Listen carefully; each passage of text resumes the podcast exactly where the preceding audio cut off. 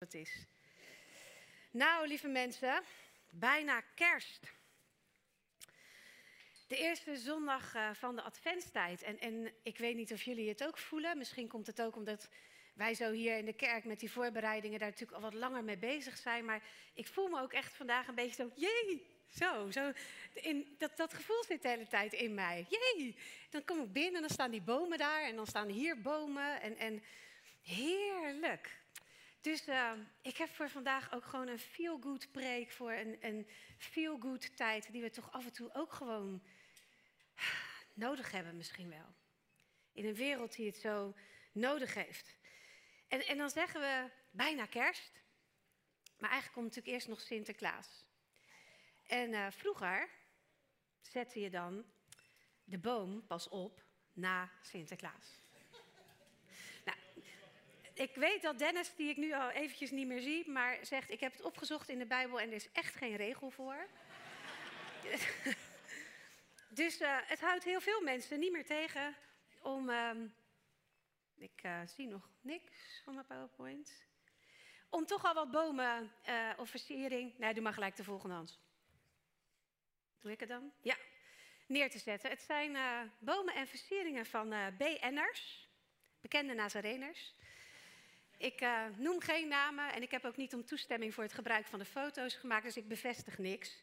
Maar uh, er staan al heel wat uh, bomen en versieringen op. En toen ik, die, toen ik de PowerPoint maakte, dacht ik, ik heb ze hier nodig. Maar toen had ik er nog niet over nagedacht dat ze natuurlijk ook gewoon achter me op het podium staan. Dus Sinterklaas of niet, er staan gewoon bomen. En het is gewoon bijna kerst.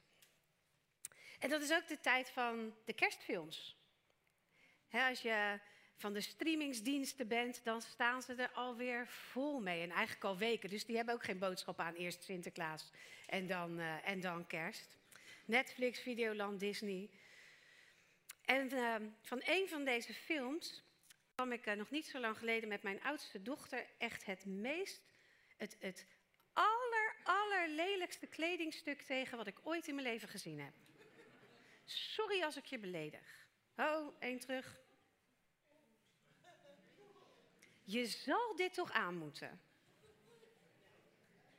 En als jij nu denkt, nou, ik vind hem eigenlijk heel leuk, dan schaar je je bij mijn jongste dochter. Die staat niet op de foto, maar die werd hier echt helemaal gelukkig van. Een hele afdeling met de meest lelijke kledingstukken die ik echt ooit in mijn leven gezien heb. We hadden hem bijna voor 12 gekocht, maar we hebben het je bespaard en maar wat anders gegeven voor je verjaardag. Maar goed, voor degene die dit niet bekend voorkomt, misschien denk je, wat is dit? Het, het is een verwijzing naar een, een, best wel bekende kerstfilm, een best wel oude film ook. How the Grinch Stole Christmas. En je ziet het als je, goed, als je het goed kunt zien onder dat hoofdje staan. Daar staat ook The Grinch. Kennen jullie die? Nou, vast niet iedereen. Ik zal straks een beetje vertellen waar de film wat over gaat. Ik zag hem echt eerlijk gezegd pas vorig jaar voor het eerst. En het is echt best wel oude film, dus ik ben niet altijd zo up-to-date blijkbaar. Maar um, ik hou wel van kerstfilms. Mm, en ook deze, ondanks dat rare kledingstuk en dat rare beest wat je erop ziet, was ook dit een mooie kerstfilm. Ik, ik, ik hou van die feel-good films. En uh, eigenlijk niet eens alleen in deze tijd, maar juist ook nu. Even iets anders dan alle nare berichten waar we ons hoofd echt niet voor in het zand hoeven steken of zo. Maar, maar soms mag je er toch ook wel even wat tegenover zetten. En, en even, heel even doen alsof de wereld goed is. Helemaal prima. En dan zijn die films soms nog zo mooi. Ik hoef jullie natuurlijk niet te vertellen dat dat dat niet is waar kerst werkelijk over gaat of de adventstijd over gaat. Het echte verhaal is natuurlijk het verhaal van Maria. Oh, ik dacht dat daar nog een plaatje tussen zat. Ik zal zo doorklikken naar het verhaal. Het verhaal van Maria, Jozef en Jezus. In de Feel Good film of, of de Feel Good preek van vandaag zoom ik wat in op Maria zelf. Want zonder haar, we zeggen natuurlijk altijd zonder Jezus geen kerst, maar zonder haar ook echt geen kerst. En, en dan geloof ik eerlijk gezegd ook nog wel dat God daar dan wel weer een andere oplossing of een ander meisje voor had gevonden. Dat zal allemaal best. Maar in het kerstverhaal zoals wij het kennen, zou er geen kerst geweest zijn zonder haar. Zij is toch één van de hoofdrolspelers in deze film. Het is niet alleen Gods liefde voor de wereld, maar ook haar liefde voor God. Die dat verhaal, die dit verhaal mogelijk heeft gemaakt en die alles voor altijd veranderd heeft. Stel je toch zo voor, een, jonge vrouw, een meisje eigenlijk nog maar, hè? daar hebben we het niet zo vaak over. Maar in deze tijd kan je er toch niet zo heel veel meer bij voorstellen. Is het in ieder geval zeker niet meer gewoon. De traditie zegt dat ze niet ouder geweest moet zijn dan een jaar of 16. De normale leeftijd om in die tijd ongeveer te trouwen. En dat meisje krijgt bezoek van een engel. Nou, dat is echt op zich al filmwaardig materiaal, lijkt me. Echt, die, die beesten, die, die kleren leiden me toch af. Dus ik zet hem alvast op de tekst. Ik ga, ik ga hem zo lezen. Had even een diaatje tussen moeten zitten, dat is mijn fout. Ja. Dat meisje krijgt bezoek van een engel en die vertelt haar dat ze zonder man zwanger zal worden. Nou, dat was in die tijd echt niet normaler dan nu. En dan ook nog van een koning. De zoon van God. En Maria kende vast al die verhalen wel. Dat hele Joodse volk wacht al eeuwen op een Messias. Op een koning, op een gezalfde, op een redder. En dit meisje, dit jonge meisje krijgt te horen dat zij die man in de wereld zal brengen. Dat moet toch idioot overweldigend zijn geweest. Op zoveel manieren. En, en dan, wie zou haar geloven? Misschien niet meteen, maar niet lang daarna moet die gedachte toch ook door haar heen zijn gegaan. En ze wordt zwanger op een onbegrijpelijke manier. En dan gaat ze, misschien wel door de praatjes in het dorp, stel ik me wel eens voor, een tijdje logeren bij een familielid, Elisabeth, een eind verderop, die ook zwanger is. En als zij Maria ziet, spreekt ze woorden die tot op de dag van vandaag nog in het traditionele Maria-gebed in de katholieke kerk worden gebeden. Maria, jij bent de meest gezegende onder de vrouwen en gezegend is Jezus, de vrucht van je schoot. Nou, Jezus zegt ze steeds in het gebed, maar dat zegt Elisabeth nog niet, want de naam is nog niet gevallen. Maar wel precies dat. En dan reageert Maria met een lofzang. In de traditie wordt het ook wel het Magnificat genoemd. Op klassieke muziek gezet. Ik wil dit met jullie lezen uit Lucas 1, vers 46 tot 55. Mijn ziel looft de Heer. Mijn hart juicht om God, mijn redder. Hij heeft oog gehad voor mij, zijn minste dienares. Alle geslachten zullen mij voortaan gelukkig prijzen. Ja, grote dingen heeft de Machtige voor mij gedaan. Heilig is zijn naam. Barmhartig is hij, van geslacht op geslacht, voor al wie hem vereert. Hij toont zijn macht en de kracht van zijn arm en drijft uiteen wie zich verheven wanen. Heersers stoot hij van hun troon en wie gering is, geeft hij aanzien. Wie honger heeft, overlaat hij met gaven. Maar rijken stuurt hij weg met lege handen. Hij trekt zich het lot aan van Israël, zijn dienaar, zoals hij aan onze voorouders heeft beloofd. Hij herinnert zich zijn barmhartigheid jegens Abraham en zijn nageslacht tot in eeuwigheid.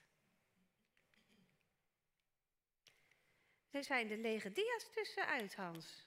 Ik, nee, nou dan geloof ik dat het niet aan jou ligt. Maar ergens is het wel raar. Ik kan er ook niks meer aan doen. Nou, weet je wat? Zet ik hem even een tijdje op die allereerste. Oh, nee, dat, nou, dat mag ook, maar dan moet jij hem straks weer even terugzetten. Het is goed. Ligt het niet aan dat ding, ligt het aan mijn PowerPoint. Het gaat ook nooit helemaal goed bij mij hierin, geloof ik. Mijn ziel prijst en looft de Heer. Mijn hart juicht om God, mijn redder. Wat een woorden als dit iets is wat je overkomen is. Als je 16 jaar bent, bezoek krijgt van een engel zwanger wordt zonder man. Mijn ziel prijst. En die man was er natuurlijk wel, hè, maar niet aan de voet van die zwangerschap, geloven we dan. Mijn ziel prijst en looft de Heer. Mijn hart juicht om God, mijn redder. Ik kan me bij haar situatie niks voorstellen en ik gok niemand van jullie. Dus misschien zijn het ook wel hele logische woorden. Dat zou ook kunnen. Misschien is dat wat er in je hart gebeurt als zoiets je overkomt. Maar ik vind ze hoe dan ook indrukwekkend. In het Engels begint het met My soul magnifies the Lord. En ik noem dat even dat magnifies, zodat je weet waar het woord magnificat vandaan komt. Het betekent lofprijs. En wij denken bij lofprijs al gauw aan wat we hier aan het begin van de dienst doen. Later in de dienst, dat we liederen zingen. En die tekst van Maria heeft natuurlijk ook wat weg van een lied. Misschien zong ze het wel. We kennen het vaak als een lied.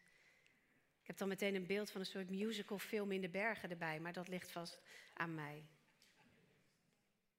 Ik las pas een mooie omschrijving, want lofprijs is veel meer dan zingen.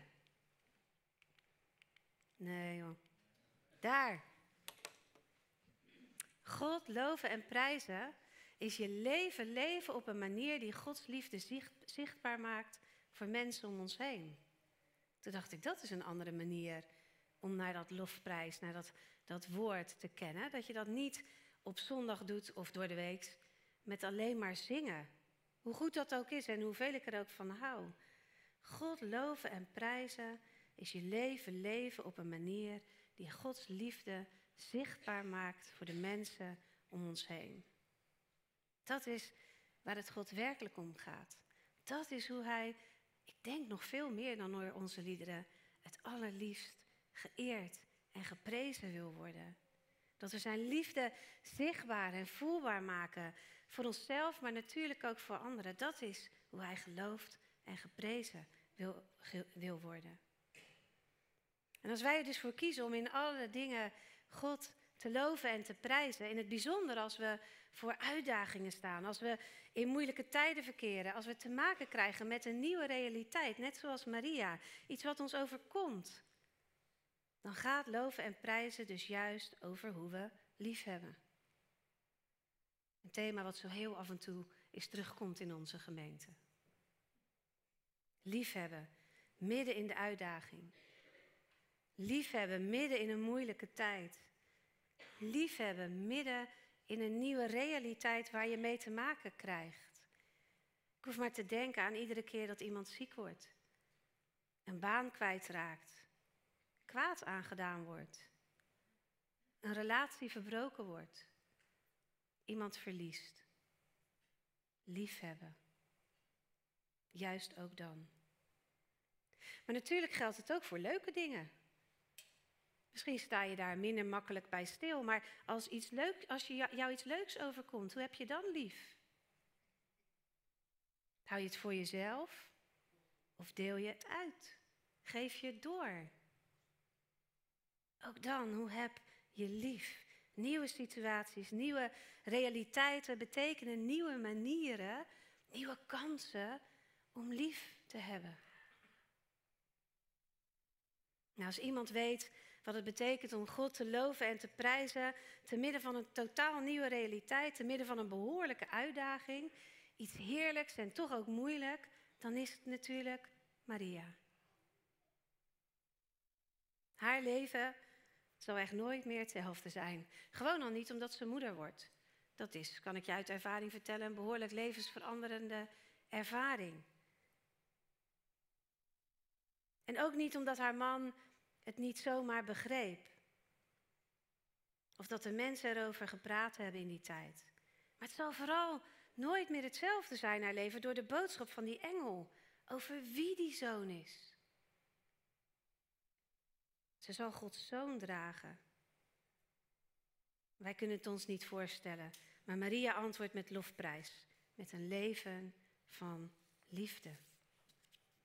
Door haar, door haar acceptatie, door haar keuzes ook, brengt zij Gods liefde in ieder geval heel letterlijk in de wereld. Zij brengt letterlijk Gods liefde met haar hele leven en lijf in de wereld. En haar hart juicht. Maria werd uitgenodigd om, om deel te worden van het kerstverhaal, al heette dat toen nog niet zo. Uitgenodigd door die engel. En dan denk je misschien uitgenodigd. Ik weet niet of je het ervaart als veel keus als er een engel voor je neus staat. En toch was het zo. Op de laatste zin van de aankondiging van de engel zegt Maria: De Heer wil ik dienen. Laat er met mij gebeuren wat u gezegd hebt. Dat suggereert op zijn minst dat ze nee had kunnen zeggen. Dat ze ook had kunnen zeggen: Nee, dat wil ik niet. Laat aan mij niet gebeuren wat u gezegd heeft. Laat deze beker maar aan mij gaan, aan mij voorbij gaan, om woorden van haar latere zoon te spreken. Ze kiest ervoor om deel te worden van het kerstverhaal.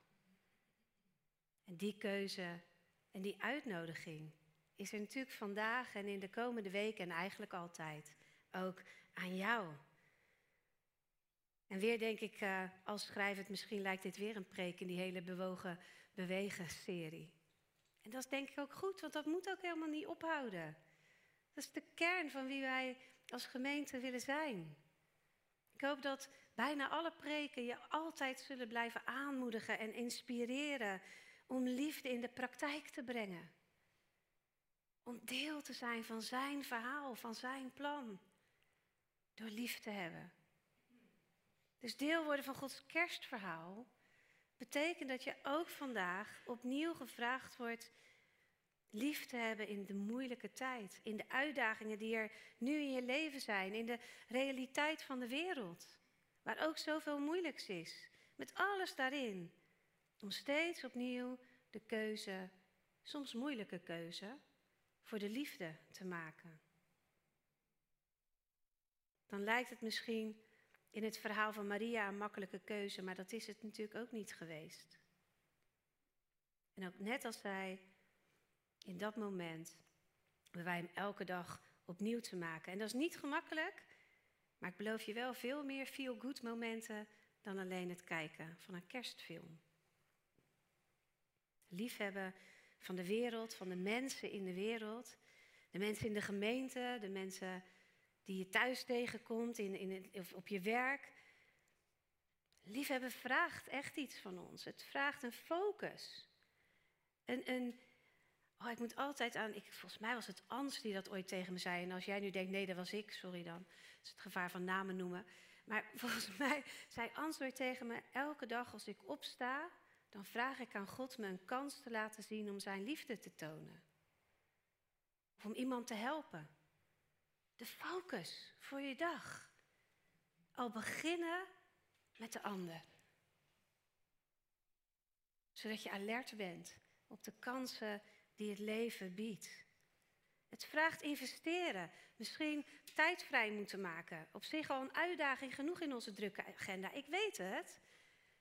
Maar als je weet welk feel-good moment het uiteindelijk op gaat leveren, gaat het niet meer om tijd, maar om prioriteit. Aandacht geven, iets van onszelf geven aan de ander. Maar daar gaat wel iets aan vooraf. Het betekent dat we zelf bereid moeten zijn om veranderd te worden. Een bereidheid van ons hart. Dat is het waar, waar het in veel kerstfilms ook over gaat. Dat is waar de advent over gaat. Over een verandering, een aankomende verandering in ons. Ons hart voorbereiden op die liefde die komen gaat, die in de wereld komt. De veranderingen die zijn komst teweeg brengen in ons, door ons, elke dag opnieuw. Bereiden we ons voor op het kind wat alles nieuw zal maken. Je aansluiten bij het kerstverhaal is gehoor geven aan, aan, aan die uitnodiging om God te loven en te prijzen met je leven. Een leven wat Gods liefde in de wereld zichtbaar en tastbaar maakt. Je sluit je aan bij een beweging. Elke dag opnieuw. Niet alleen toen je besloot ooit naar de kerk te komen, of toen je tot geloof kwam. Elke dag opnieuw sluit je je aan bij een beweging die Gods liefde zichtbaar wil maken. Het is echt niet altijd makkelijk. Het is niet altijd makkelijk om de wereld een betere plek te maken. We kunnen ons best doen, we kunnen goede dingen doen, we kunnen bidden voor vrede. Maar het begint bij de ontdekking dat we geen daadwerkelijke liefde in de wereld kunnen brengen, zelfs niet door goede daden, als we niet eerst die liefde vinden in onszelf. Zijn liefde in onszelf. Als we niet eerst zelf ons laten veranderen door Gods liefde. En ik zei al dat ik terug zou komen op die film over de Grinch. Voor wie het niet kennen, een hele kleine samenvatting. Het is een een of ander dorpje met nogal bijzondere bewoners. Ze zien er allemaal een beetje vreemd uit. Ze heten de Who's. En dat spel je dan W-H-O, Who, zoals in het Engels, wie. Ik heb eerlijk gezegd met één keer kijken in de film niet ontdekt welke betekenis dat nog meer zou kunnen hebben, maar ze heten de Who's. En het dorpje heet, heet Whoville. Op zich doet het er niet toe. Vlak bij Whoville woont in een, uh, in een berg de Grinch. Als je dacht dat die mensen er raar uitzagen, dan uh, wint hij de strijd. Een raar groen wezen. En de film begint meteen met je te laten weten dat iedereen in hoeveel idioot veel houdt van kerst. Dennis zou zich er echt enorm thuis voelen. Ik weet het zeker. Nou, ik ook. Maar de Grinch niet. De Grinch haat feesten, hij haat zingen, hij haat cadeautjes, hij haat versieringen, hij haat tradities, alles wat met kerst te maken heeft. Hij haat het echt. Dat zegt hij ook steeds. Dus in de tijd vlak voor kerst bedenkt de Grinch een plan om kerst te verpesten voor het hele dorp.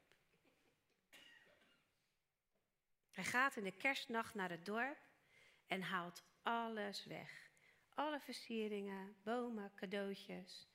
Hij steelt alles. How the Grinch stole Christmas. Hij haalt alles weg. En de volgende morgen staat hij zich te verkneukelen op zijn berg om te kijken wat het resultaat van zijn werk is. Hoe erg de hoes het wel niet zullen vinden. Maar het gebeurt helemaal niet. De hoes worden wakker en het is gewoon kerst. Het is gewoon kerst. Het is gewoon kerstmorgen. De hoes zingen hun kerstliedjes, ze vieren feest. Het maakt geen klap uit dat de bomen weg zijn, dat de versiering weg is, dat de cadeautjes weg zijn. Ook zonder dat alles is het gewoon kerst. En dat willen ze vieren. En die Grinch die snapt er echt helemaal niks van. Maar dan ontdekt hij gaandeweg dat je kerst niet in een winkel kunt kopen, maar dat het in de hoes leeft. Dat het in hen is. En in de film zie je dat als die ontdekking indaalt bij hem, het verschrompelde hart van die Grinch in één dag drie keer zo groot wordt. En dan wordt hij deel van kerst. Hij brengt alles terug wat hij gestolen had en wordt vergeven en verwelkomd op het grote kerstfeest. Dus de conclusie van die film, als je hem niet gezien hebt, nou, dan is dat jammer. Toen zichtbaar werd dat kerst in de hoes was, realiseerde die Grinch zich dat kerst, saamhorigheid, liefde, en als wij die taal spreken, hebben we het over Jezus, woont in ons. Dat het helemaal niet iets is wat van buitenaf komt, maar dat het door Hem in ons woont. Dat niemand dat weg kan nemen. En toen hij zich dat realiseerde, dat het allemaal draait om de liefde van binnenin, veranderde hem dat compleet. En in de film lopen die thema's van kerst en saamhorigheid en liefde allemaal wat door elkaar. En dat is prima. Dat is voor ons in deze tijd denk ik ook zo. Dus juist ook voor ons geldt dat hoe je straks ook kerst gaat vieren. Of je er veel mee hebt of weinig. Of je het wel of niet met familie kunt vieren. Of je wel of niet uit eten gaat. Of er cadeautjes zijn. Of er versieringen zijn. Uiteindelijk maakt het niet uit, want het woont in ons. Het is er al. Allemaal. Jezus woont in ons. In jou. En hij is kerst. En hij is saamhorigheid. En hij is verbinding. En hij is liefde.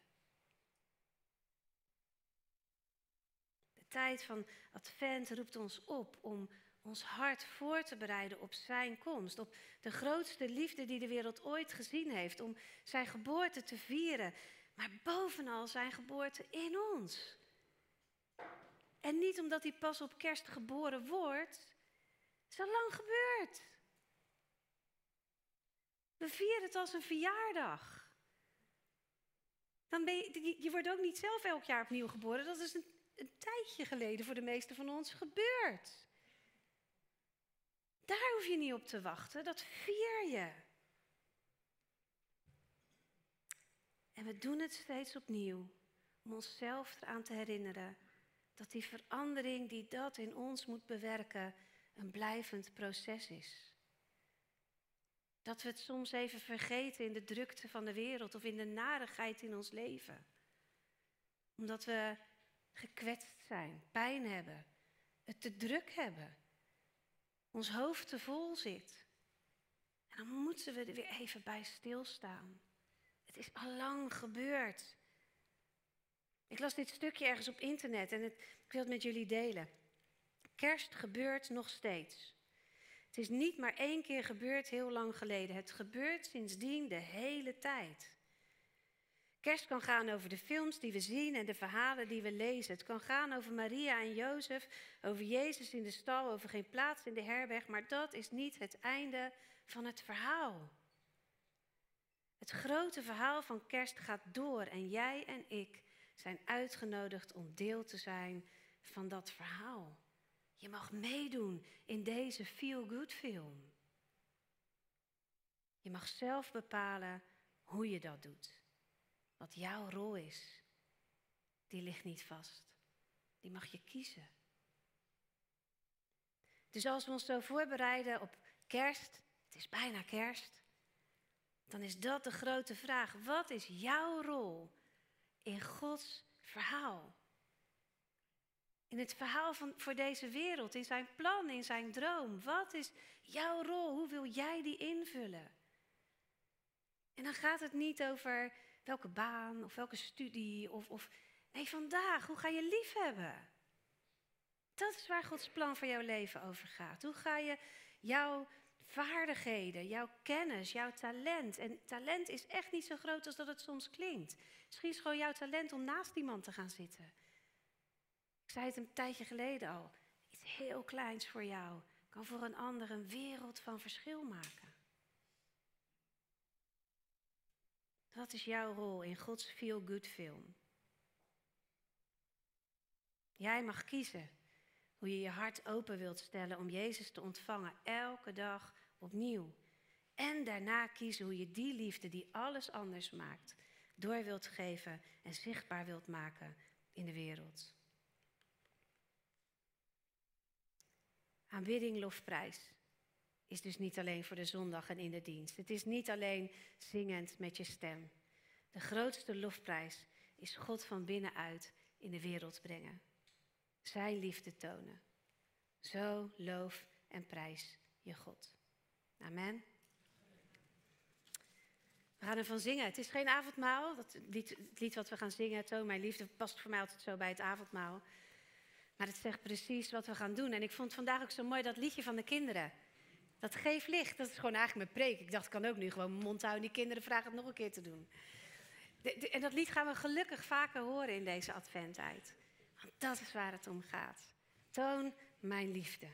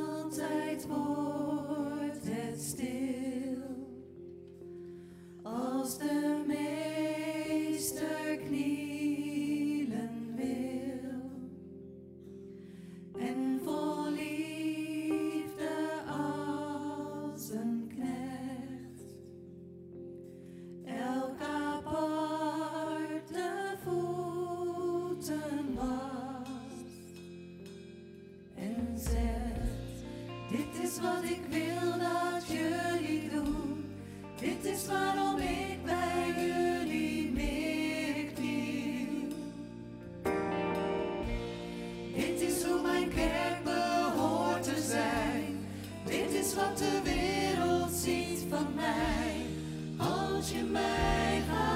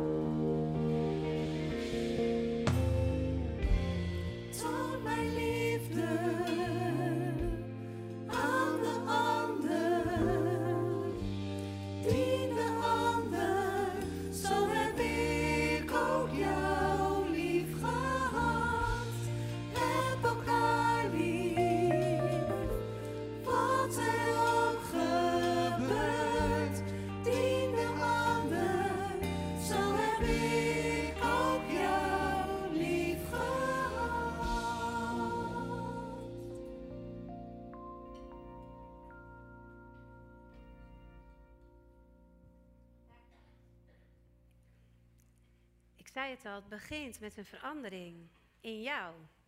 En, en zo dit lied zingend moest ik denken aan uh, ergens tijdens mijn opleiding hadden we een, een, vak dat heet bibliodrama en dan speel je bijbelverhalen na en dan, dan word je deel van dat verhaal.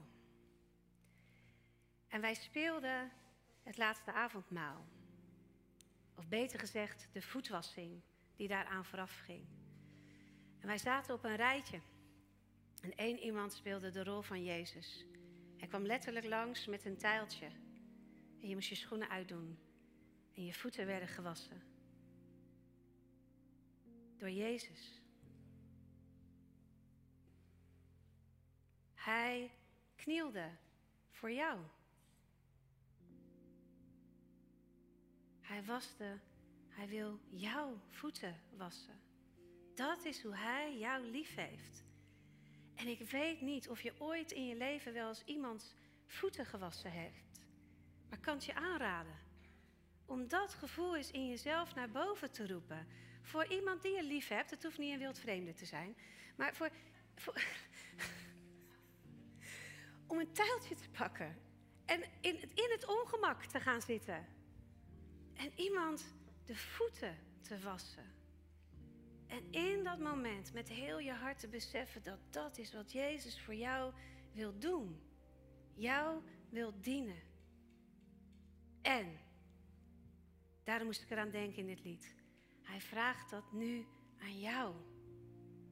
Om te knielen met de volle bereidheid iemand de voeten te wassen. Iets voor iemand te doen. Er te zijn.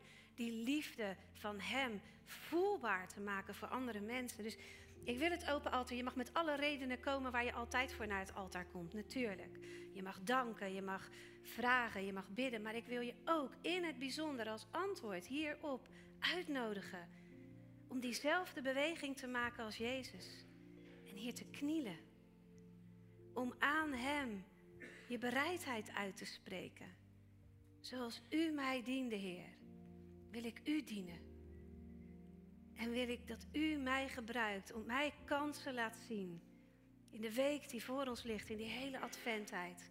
Hoe ik uw liefde kan tonen in de wereld. Hier is mijn hart. Spreek erin en laat het me zien. Je bent uitgenodigd voor alles wat er is. Aan Gods altaar, aan zijn voeten.